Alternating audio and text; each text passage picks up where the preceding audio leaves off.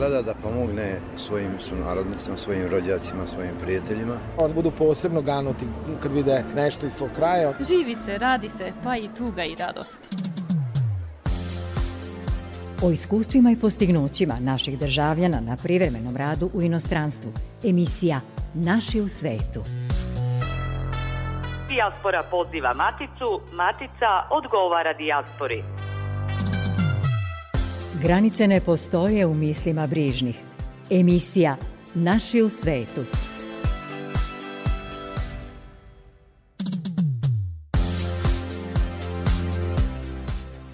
Dobroveče svima koji slušaju emisiju Naši u svetu širom zemlje i rasejanja u večerašnjih pola sata o popisu stanovništva u Srbiji.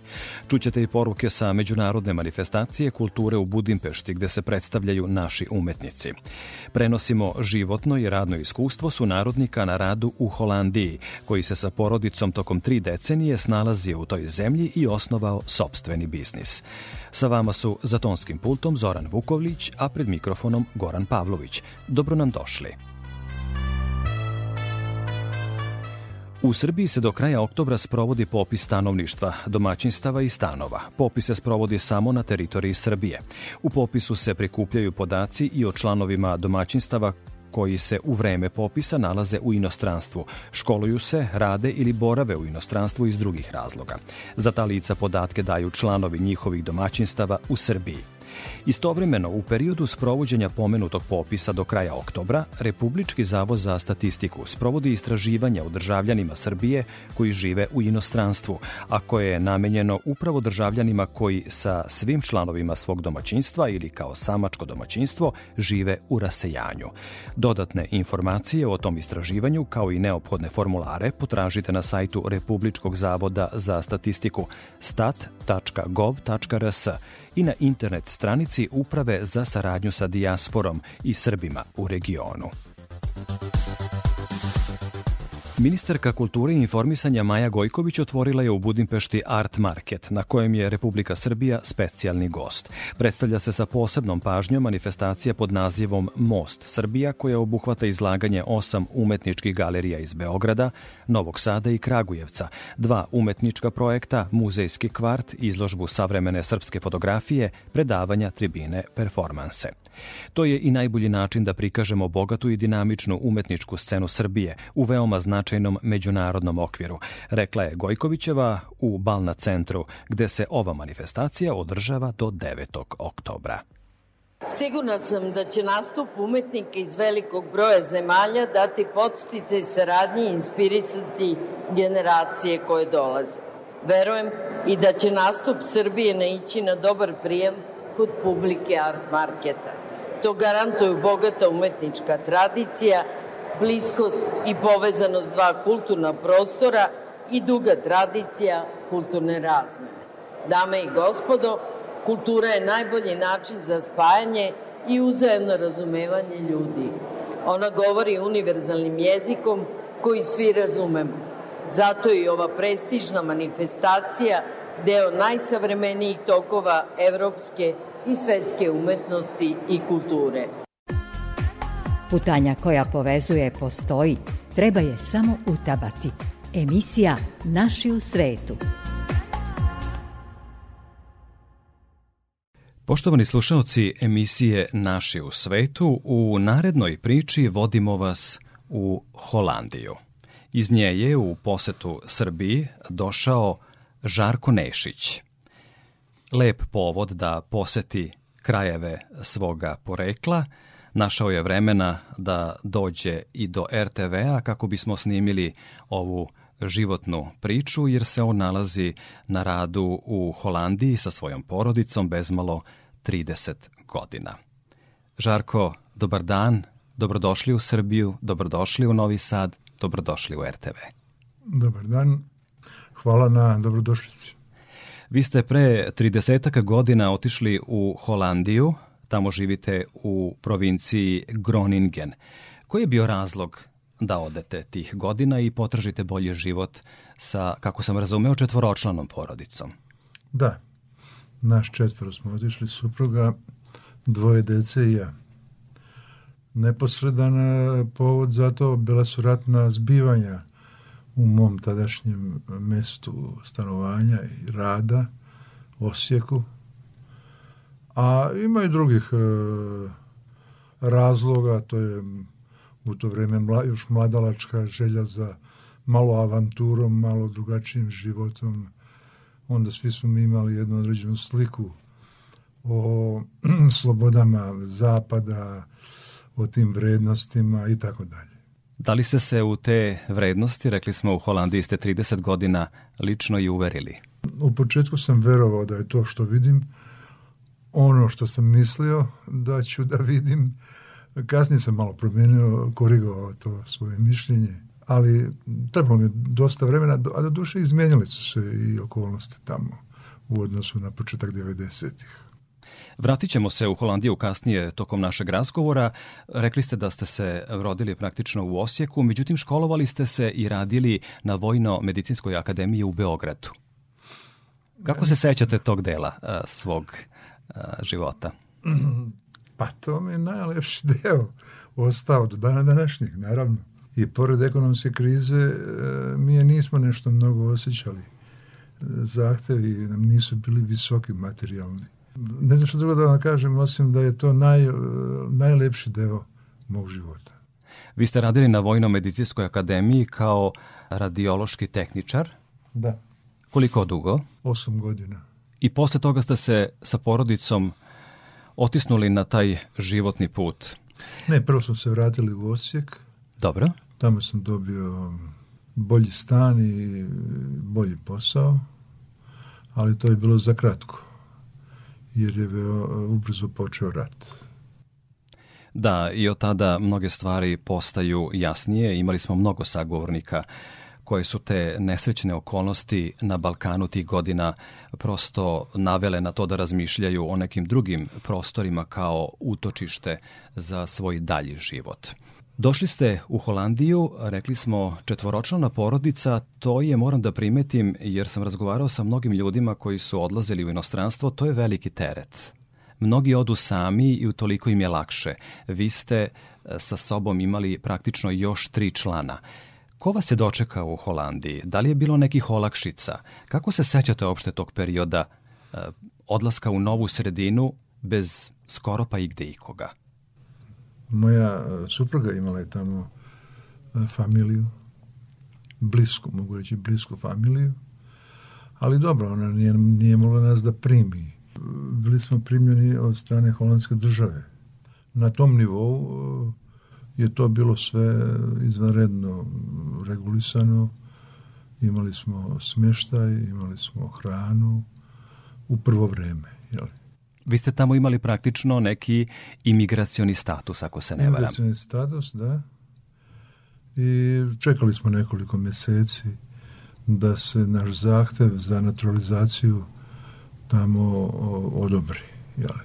Ono što je prva barijera svakome ko ode u neku drugu zemlju na koju nije navikao jeste poznavanje jezika i sporazumevanje, komunikacija, a opet od sporazumevanja zavisi vaš dalji status u novoj sredini. Kako ste vi doživeli to suočavanje sa njihovim jezikom, potpuno stranim za vas?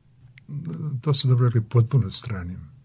Radilo se o tome da ja nisam, slušajući holandski prvi put u životu, nisam razlučivao gde završava, gde počinje reč nova to je bila, bila jedna, jedna reka e, za mene nesuvislih glasova koja ništa ne mogu da znači. Za razliku od, na primjer, italijanskih i španskih koje ja takođe ne govorim, ali bar čujem gde reč počinje, gde završava, e, shvatam rečenicu. Da postoji neka melodičnost u da, pojedinim da, jezicima koji vam daju do, zna, do znanja da. kada je, na primjer, završeno pitanje, kada je da, konstatacija da. okončana, međutim to sa mm, njihovim to, jezikom nije slučaj, ne, kažete. Ne, to sad je, sad sam u stanju da razlikujem naravno, ali u, u početku ne, u početku je bilo izuzetno teško. Da li možete ukratko samo oprostite što vas prekidam da, da nam manifestujete to o čemu govorite? Kako biste rekli, trenutno sam u emisiji Naši u svetu, radio televizije Vojvodine, imamo intervju na temu mog života u Holandiji. Op het moment ben ik, uh, zit ik in de studio van uh, Radio Novi Sad uh, en we praten over uh, Meyer Faringen in verband met onze leven in Nederland. Da, sad su stvari mnogo jasnije kada je reč o toj melodiji koju ste malo pre pominjali i njihovom jeziku koji zaista jeste, jeste na poseban način melodičan i, i nama svakako stran. Shvatili ste u jednom trenutku da bez znanja jezika nećete moći da napredujete ni vi ni vaša porodica. Uhvatili ste se u koštac sa tim problemom. Da, e, u Holandiji je postojalo, ja mislim da još uvijek postoji e, državni ispit za e, holandski kao drugi jezik koji je namenjen strancima da ga uče i položi na određenom nivou. To nas je koštalo mene i suprug oko godinu i po dana. Da smo, onda smo položili ovo je sva četiri, u stvari ona je odmah sva četiri, ja sam prvo dva pa kasnije još dva dela. To su čitanje, slušanje, pisanje i šta sam zaboravio i govor. To znači škola iz početka? Pa. Na neki način? U, u jeziku da. U jeziku da. Ali naš je engleski bio jako loš pa se nismo, to je bila motivacija više da učimo holandski. Jer ljudi koji dođu sa dobrim engleskim mogu jako dugo da ne uče holandski. Ali to ih ograničava kasnije. To bude zamka na neki način. To, to način. bude zamka, da, jer mm. bude da, da su i deset godina u Holandiji, a još uvijek ne koriste holandski i onda imaju ograničenja šta mogu, gde im je dopušteno, gde nije. Jer postoje mnoge, mnogi poslovi na kojima se baš traži holandski. Logično je i mi ovde u zemlji kada primamo strance volimo da se s nekim e, koji je došao sporazumevamo na srpskom jeziku i ja mislim da e, prosto preovlađuje u svetu jedan takav stav prema ljudima koji su došli sa strane i ne možemo reći da tu nešto vidimo loše, prosto najbolje se osjećamo kada govorimo sobstveni jezik, a razumem i kada ljudi u drugim državama, a to sam uspeo da zaključim iz mnogih razgovora do sada radeći u emisiji Naši u svetu, kada ljudi u stranim zemljama očekuju od vas da pokažete dobru volju, mm -hmm. jer ako ste došli u određenu sredinu, garancija da ćete vi u toj sredini odlučiti da živite, radite i uspevate, jeste to da pre svega savladate njihov jezik. Zar zar ne? Pa mogu bi se složiti sa tom konstatacijom. Nija ne vidim u tome e, ništa loše. Naprotiv, e, mislim da bi u nekim zemljama još više mogli da insistiraju na učenju domaćeg jezika te zemlje. Žarko, pomenuli ste da kada ste došli u Holandiju niste naročito bili oduševljeni atmosferom koja vas je tamo zatekla. Podrazumevamo i da je to jedan određeni i kulturološki i ljudski šok kada dođete u novu sredinu. Međutim, rekli ste da ste se vrlo brzo predomislili, da vam se sredina odjednom počela dopadati, ljudi takođe, jezik, a naročito mogućnosti koje Holandija pruža u smislu boljeg života. U, u tom prvom e, kontaktu sa drugom kulturom e, čovjek traga za nesvesno možda, ali uglavnom za nekim e, opšti ljudskim vrednostima koje možda nisu kulturne, nego opšte ljudske. I onda nalazi da je to zapravo isto, da tu nema razlika, kao što i ne može biti između dva čovjeka, Eskima i, i sa Papove Nove Gineje u ljudskom smislu nema razlike. U kulturološkom smislu ima. E to dolazi kasnije. To su problemi koji će se javiti nakon dužeg boravka, nakon dobrog upoznavanja kulture i poređenja kulture koji se doneo iz zemlje porekla. Tad se po, počinju pokazivati prilično velike razlike. Žarko, govorili ste o tome da su vas u Holandiji prihvatili na način da su vam ponudili posao, Međutim, i tu ste, kada je reč o toj službenoj ili poslovnoj preokupaciji, morali da ispunite određene preduslove. To znači da su vas očekivale velike obaveze ukoliko ste želeli da ostanete u toj zemlji. Pominjali ste da su ti uslovi vrlo specifični u Holandiji. Da li možete našim slušalcima pojasniti to? Na šta mislite? Moju diplomu nisu priznali. Znači, moja kvalifikacija nije bila dovoljno dobra da bih dobio taj posao. I ponudili su mi da u takozvanom in-service uh, obrazovanju in service, da uz rad diplomiram u Holandiji još jednom što sam ja onda i prihvatio i uradio. Dobio sam posao, stalni, u to vrijeme se još dobio stalni posao, sad toga više nema nigde. Dogodilo se to da sam dobio posao uslovno. sa pretpostavkom da ću položiti, da ću diplomirati. A pravo na polaganje ispita, za razliku od Srbije, gde je ono neograničeno, možete polagati ispit koliko god puta hoćete, tamo ne, tamo je dva put dozvoljeno polaganje ispita. Ako ga drugi put ne položite, onda gubite pravo da polažete uh, taj ispit. Što znači da ne možete završiti, završiti školu, ne možete diplomirati. Jel? I meni je to bio takav stres na ispitu da ono što sam dobro znao, što sam se dobro pripremio, nisam, dok sam čitao, pismeni bio, dok sam čitao nisam, nisam ra, razumevao šta čitam, šta se pita, nisam znao odgovore. E, I tako da sam pao taj ispit. Ali vas to nije zaustavilo? A, imao sam još jednom pravo, ali drugi put je počelo još gore, jer je sad e, pritisak bio još veći. I prvih pola sata apsolutno ništa nisam shvatao šta čitam. Hteo sam već da ustanem, izađem van, znači gubim posao, gubim sve. I onda sam još malo ostao i, i tad sam shvatio da nemam šta da izgubim. I sve mi se razbistrilo i sve sam počeo da shvatam i odgovorio sam veoma brzo na sva pitanja, bilo ih je puno i to je bilo dobro za devetku. A bilo je dobro i za vas. A bilo je dobro za mene, ali moglo je biti i pet. E, pitanje je ovaj, koliko je to realna realno merenje znanja, a koliko merenje e, psihičke stabilnosti što opet u, ne, u neku ruku može biti provjera jeli, u stresnim situacijama ponašanja. Tako je, vaših sposobnosti, da. zar ne?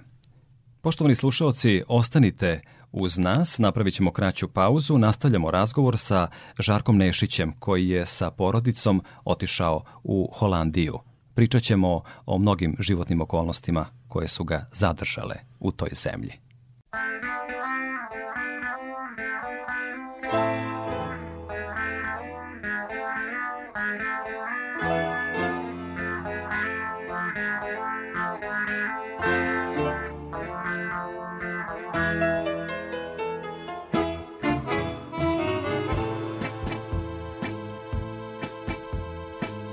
Gledam kako sunce sija i pitam se gde si.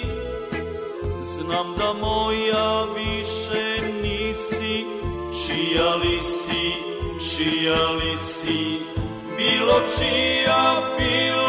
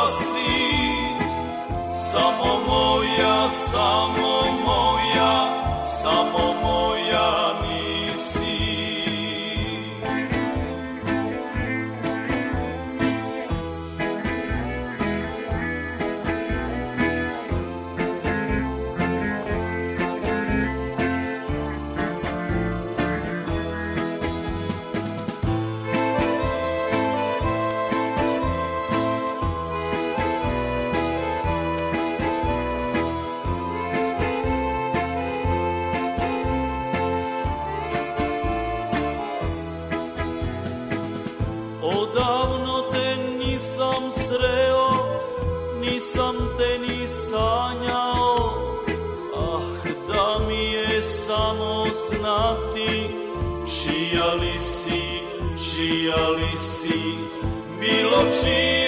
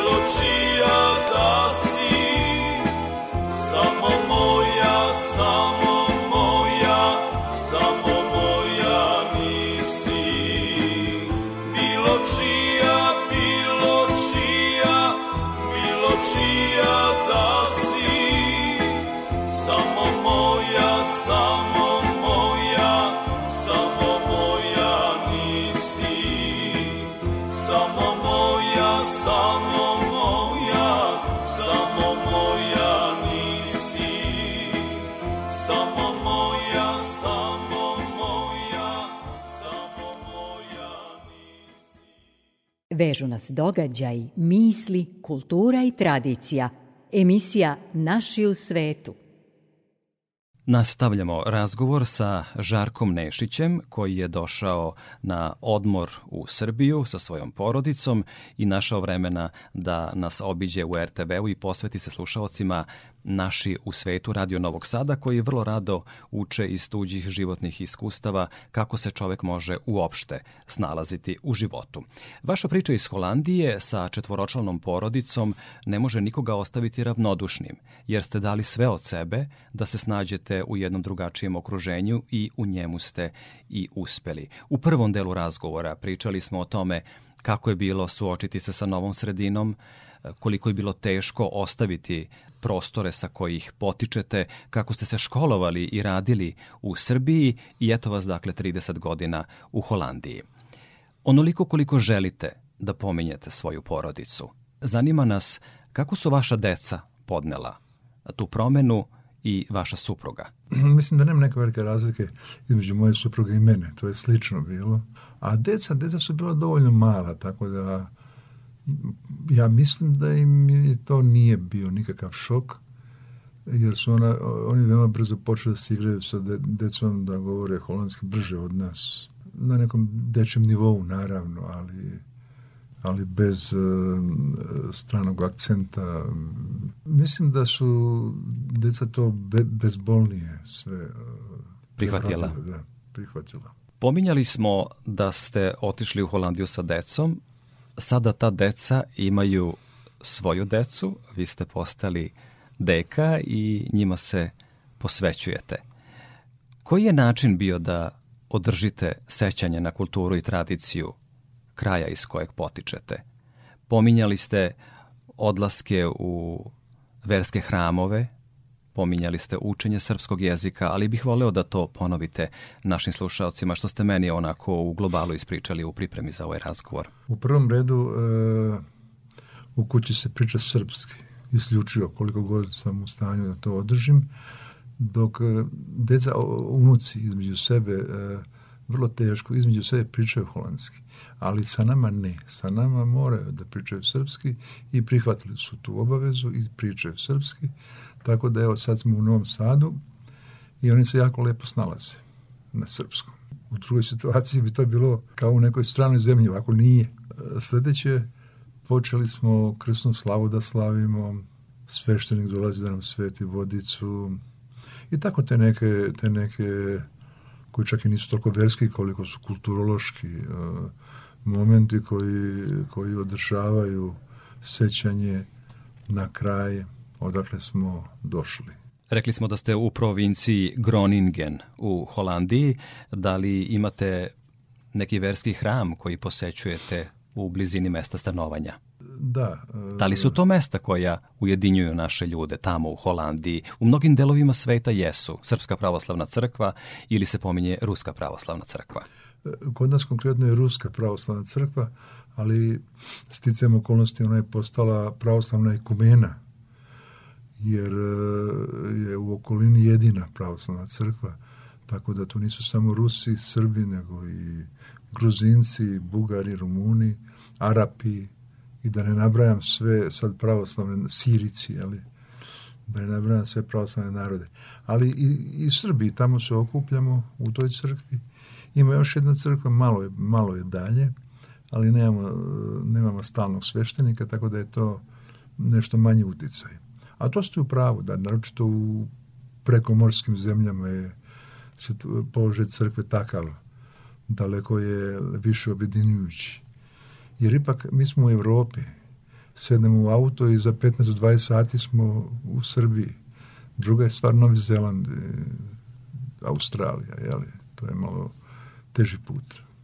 Posle 20 godina boravka u Holandiji, odlučili ste da svoje životno iskustvo, da svoju radnu biografiju pretočite u nešto što se zove privatni biznis, nešto što se ne dešava često kada naši ljudi odu u inostranstvo, obično rade za neke druge kompanije, vi ste pokrenuli sobstveni biznis.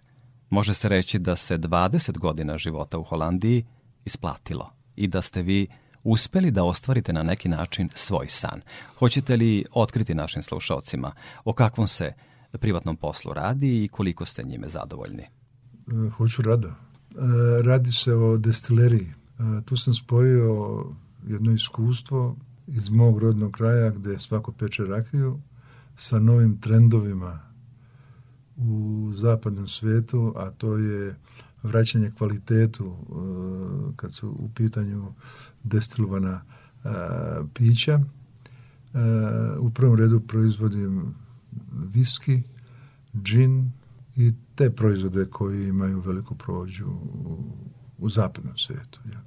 Ali na bazi iskustva i sećanja i, i svega ostalog koje sam poneo iz uh, svog rodnog kraja, gde je svoja kuća imala jedan kazan za rakiju. Pominjali ste da vas e, vaš posao na neki način obavezuje da okupljate ljude pa se dešava da maltene pravite mini sajamske manifestacije na svojoj destileriji na Salašu gde živite u provinciji Groningen u Holandiji.